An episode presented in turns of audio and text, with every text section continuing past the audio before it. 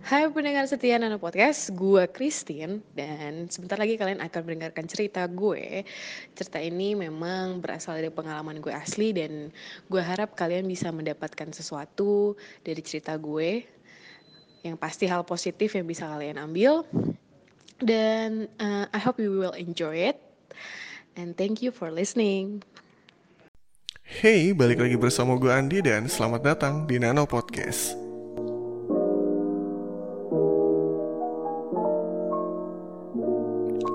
Pada episode ke-12, kita akan mendengarkan sebuah cerita dari teman kita yang bernama Christine dari Jakarta yang akan sedikit sharing tentang kondisi dia yang terjebak dalam sebuah keadaan yang membuat hati dan perasaannya menjadi galau. Bagi teman-teman yang pengen ataupun sharing cerita bisa banget dikirim dalam bentuk teks ataupun audio ke email nanopodcast di nanopodcast77 at gmail.com So nggak berlama-lama, enjoy for listen fams, kita dengeran ceritanya Di, uh, sorry, gue baru bisa VN karena memang gue ada beberapa hal yang harus diurusin. Sorry banget. Gue nggak tahu lo bakal ngasih judul ini apa, tapi I think after listening to this pasti lo tahu judul yang kira-kira eye catching atau yang tepat atau apa. Nah, gini, uh, gue itu lagi bukan deket sebenarnya gue bingung nih statusnya apa sama dia. Gue itu uh, ada satu cowok di gereja yang gue kenal. Namanya Sebelumnya gue udah sepakat dengan Christine untuk menyamarkan nama si cowok yang kita bisa panggil dia dengan sebutan bunga atau mawar. ya tapi enggak deh. Uh, mungkin kita akan panggil dia karena dia cowok, kita panggil dengan nama Dean kali ya. Jadi kita panggil namanya Dean. Enggak, enggak, enggak. Tapi emang bener namanya itu. Cuma dipanggilnya Dean. Uh, ini disamarkan aja nanti kalau emang lo mau masukin podcast ya. Disamarkan namanya kalau bisa. Jadi gue ini uh, sama dia beda 4 tahun. Jadi dia baru masuk baru masuk kuliah semester 3 gitu. Cuma emang perawakannya tuh dia tinggi lebih tinggi daripada gue terus suaranya ngebas-ngebas gitu kan dan uh, apa namanya gue rasa dia tipe cowok yang sebenarnya tuh masih agak bocah tapi dia berusaha untuk menjadi dewasa paling cuman kayak eye contact beberapa menit terus habis itu udah gitu. Tapi ya gitu nggak ada komunikasi nggak ada apa gitu. Gue interested sama dia karena gini pas pertama kali gue lihat kok kayak dia tuh auranya kuat banget gitu loh. Kayak kenceng banget gitu loh di jadi walaupun dia orangnya cuek-cuek begitu tapi kayak kelihatannya oh kok nih cowok cool ya? gitu. Dan kalau lo mau tahu gue tuh sangat-sangat cocok banget dalam berkomunikasi sama dia. Jadi gue tuh sama dia bisa ngomongin apa aja gitu. Kita bisa ngomongin tentang SMA kita guru-guru SMA kita gitu. Karena kita juga satu SMA ternyata dan gue baru tahu gitu. Nah nih ini nih yang paling serunya. Jadi gue sengaja ngestak Instagram dia. Dia tuh udah follow gue dulu. Dia follow gue duluan kan tapi itu udah beberapa bulan yang lalu. Akhirnya gue accepted tuh. Terus gue baru nge-stalk tuh ketika gue sudah ngobrol sekali sama dia gue nge-stalk dan di Instagram itu ada highlights yang judulnya tuh mine. Paham kan? Terus gue buka lah itu Instagram. Anjir ceweknya cantik bo. Ya si Dean ini kulitnya nggak putih tapi dia manis gitu. Dan dia memang ada keturunan Belanda karena memang bapaknya tuh Belanda ada masih ada keturunan Belanda tapi mamanya Ambon. Nah jadi lu bisa ada bayangan ya dia kayak gimana perawakannya. Terjebak di kondisi di saat kalian berkenalan dengan seseorang. Kita sebenarnya nggak berhak juga sih apabila ada seseorang yang mendekati kita kemudian bertanya apakah lu udah punya pacar atau enggak? Kan nggak mungkin gue paham banget dengan kondisi yang dialami oleh Christine saat itu.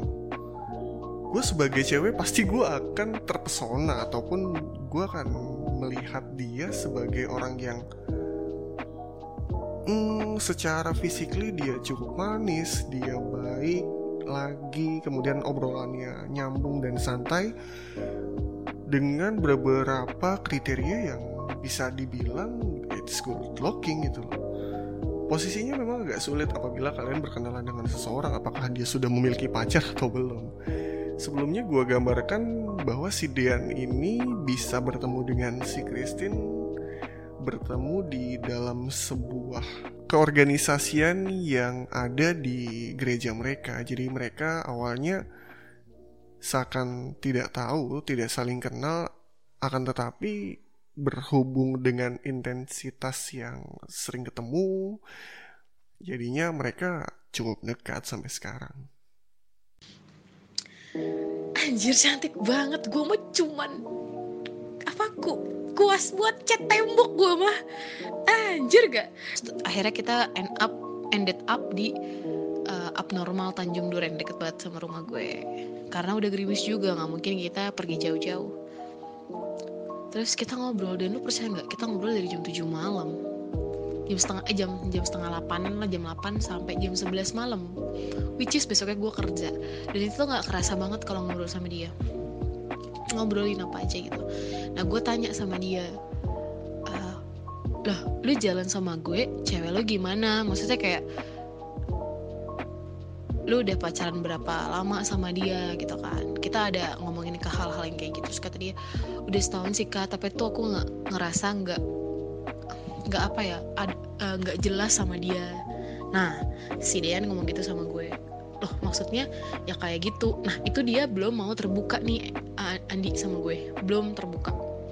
Akhirnya gue uh, menyudahi sampai dia juga ngomong ke gue emang kak Kristin lagi dekat sama siapa? Gue mah lagi nggak dekat sama siapa-siapa dan akhirnya gue sharing kan tentang terakhir gue pacaran kayak gimana. Maksudnya gue pengen masih apa ya masih ingin memulihkan hati gue gitu. Tapi di satu sisi gue udah interested juga kan sama si Dani. Cuma gue nggak bilang sama dia. Gue sangat sangat menutupi itu mereka tuh udah mulai curiga gue deket sama Dean. Padahal dalam hati gue aduh kalian semua taunya gue deket sama Dean. Tapi dalam hati gue ambiar. Kenapa? Karena dia udah punya cewek gitu. Dan gue selalu tegasin ke dia ketika dia kayak sedikit-sedikit modus gitu sama gue. Gue bilang sama dia lu udah punya cewek lu gak boleh kayak gini.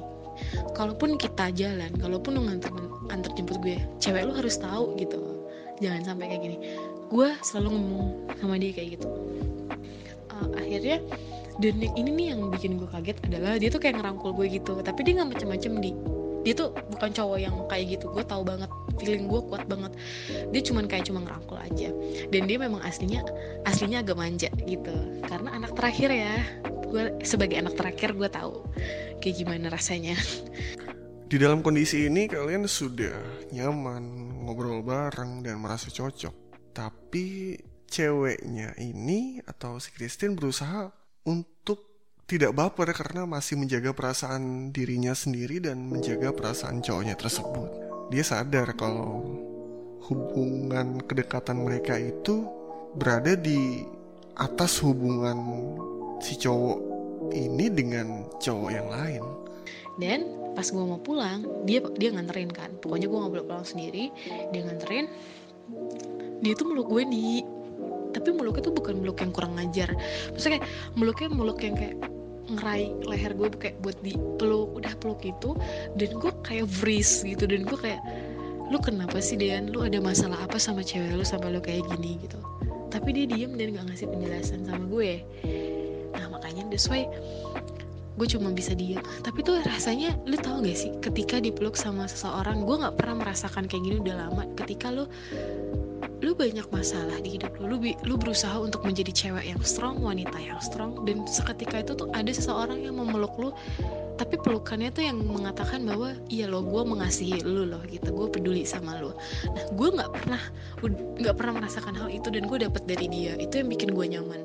Jadi tapi gue yang kayak nggak 100% baper kenapa? Karena dia punya cewek. Bahkan gue sampai bilang, gue sempat sempatnya bilang sama dia, tuh udah punya cewek gue bilangin cewek lu ya gitu. Dan lagi-lagi dia diem gitu.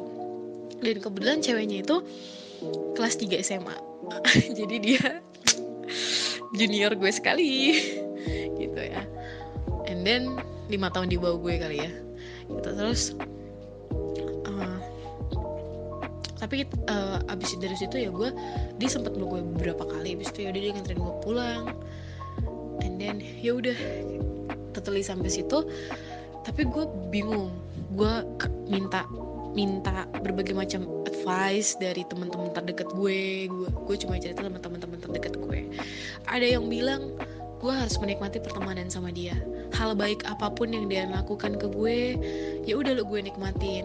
Dan tapi gue punya PR untuk bantu dia. Dia tuh kenapa sama si cewek ini? Kenapa dia sampai kayak gitu gitu dan gue bantu dia untuk mencari solusinya kalaupun nanti pilihannya dia bukan bu, tidak jatuh ke gue dia malah milih bertahan sama ceweknya yaitu sebagian dari proses gitu.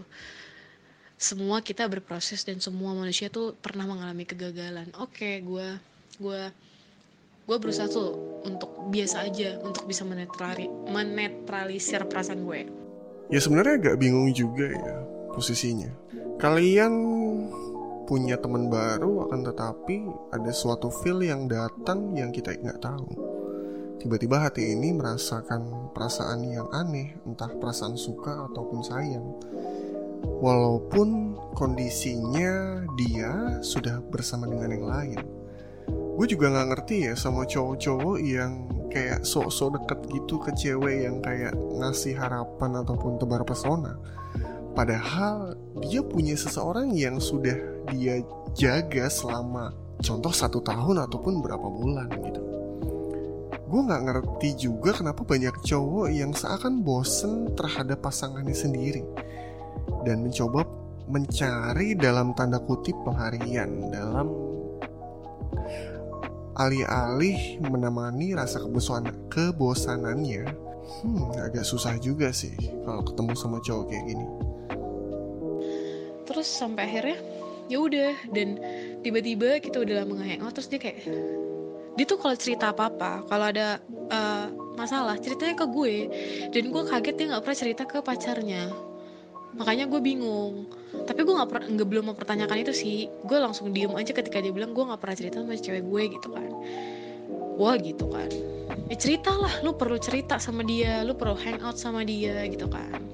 Nah yang dia takutkan ini akhirnya gue mendapatkan jawaban kenapa dia sama ceweknya. Kayak gitu dia bilang uh, gue ini sebenarnya tuh sebulan pacaran sama ini cewek gue pengen putusin kenapa dia tuh serem banget kak dia bilang gitu. Seremnya kenapa? Jadi tuh dia ini lu lu tahu kan anak indigo yang bisa melihat bencana alam ke depannya terus melihat masa depan. Nah gak, ya memang sih gue gue percayakan hal, hal itu tapi kan gak semua orang dikasih kemampuan kayak gitu sama Tuhan kan? Dan kebetulan ceweknya dapat dan ceweknya suka main kartu tarot. Jadi katanya sebelum kata ceweknya ke sebelum ceweknya ketemu sama si Dean dia tuh udah tahu kalau dia bakal ketemu sama si Dean lewat kartu tarot itu nah kadang-kadang si cewek ini suka cerita aku takut deh kayak aku kayak mau ditarik gitu kayak ada mau narik aku gitu kan bla bla bla segala macem. Nah menurut Dean kayak apaan sih? Maksudnya kayak gini gini gini nggak jelas gitu. Nah terus gue bilang lah ke dia kalau emang itu beneran kayak gimana Dean? Ya tapi kayak nggak mungkin kayak gitu banget lah kak katanya dia gitu kan. Nah tapi lu survive toh setahun gue bilang gitu. Gue langsung apa skakmat aja dia. Ya iya sih gitu. Dan uh, ada sebenarnya satu hal yang dia pengen ngomongin sama gue katanya. Itu dua minggu yang lalu sih dia ngomong sama gue. Kak gue pengen ngomong sesuatu sama lo gitu. Apa? Tapi gue tahu lu nggak bakalan jawab. Eh tapi gue tahu sih lu bakalan jawab jawabnya enggak gitu. Lah so tau lu siapa tahu gue jawabnya iya. Terus kata dia nggak deh nggak usah tunggu di waktu yang tepat. Nah itu yang gue masih penasaran sampai sekarang tapi gue berusaha untuk udahlah tapi kita nggak gimana ya complicated gitu gak sih? Kayak aduh gitu. Lu kenapa sih sama cewek lo gitu. Um... kondisi yang dialami oleh Dean ternyata dia memiliki seorang pacar indigo. Uh, sebenarnya agak horor juga sih. Bayangin pacar kalian bisa melihat sesuatu yang gaib, melihat sesuatu di masa depan. Sebenarnya kalau kita nilai ada beberapa kelebihan sih. Kita nggak usah ngomong indigonya deh apabila pasangan kalian mempunyai kelebihan ataupun kekurangan sebagai kalian yang mempunyai pasangan ya tugas kalian harus menjaga konsekuensinya adalah kalian harus siap menerima gitu loh. Dan pertanyaannya gue juga bingung sama si Dean kenapa bisa sampai sejauh itu menjalin hubungan hampir satu tahun gitu loh.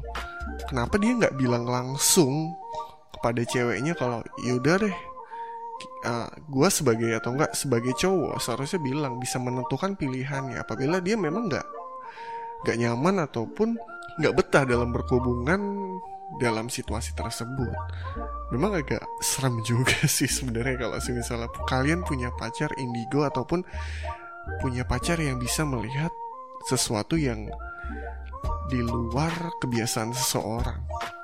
Informasi ini gue dapat dari Christine hampir jeda sekitar dua minggu. Gue penasaran bagaimana kabar dari hubungan mereka. Apa ataupun sikap apa yang Christine ambil pada kondisinya sekarang. Mungkin akan gue coba tanyakan langsung ya ke Christine ya. Kondisi gue sama dia sekarang, sekarang nggak gimana-gimana sih. Maksudnya tetap berkomunikasi cuma nggak setiap hari. Yang jelas sekarang gue udah mulai pasrah. Maksudnya ngerti, gue nggak mau menunggu orang yang emang nggak pasti. Terus di samping itu dia juga umurnya masih 4 tahun di bawah gue dan gue ngerasa dia tuh masih labil sih. Dan dia nggak tahu apa yang dia mau. Gue takutnya gitu gue nggak mau pacaran sama cowok yang labil gitu loh. Gue takut banget. Lebih baik punya cowok yang lebih tua daripada gue sih. Itu aja. Dari cerita ini kita bisa mengambil kesimpulan bahwa apabila kalian mempunyai seorang pasangan, jaga pasangan kalian buat mereka ataupun buat si dia menjadi lebih nyaman. Jangan sampai hanya dengan kekurangan ataupun kelebihan mereka kalian berpaling dari hubungan yang sudah kalian bangun lama. Kemudian kalau posisinya kalian terjebak dalam sebuah hubungan yang hmm, sebenarnya salah sih. Saran gue ya lebih baik menghindar. Terima kasih kepada teman-teman yang telah mendengarkan podcast ini hingga akhir. Pesan dari gue juga kesehatan dan tetap semangat. Balik lagi bersama gue Andi dan terima kasih telah mendengarkan Nano Podcast. Bye-bye.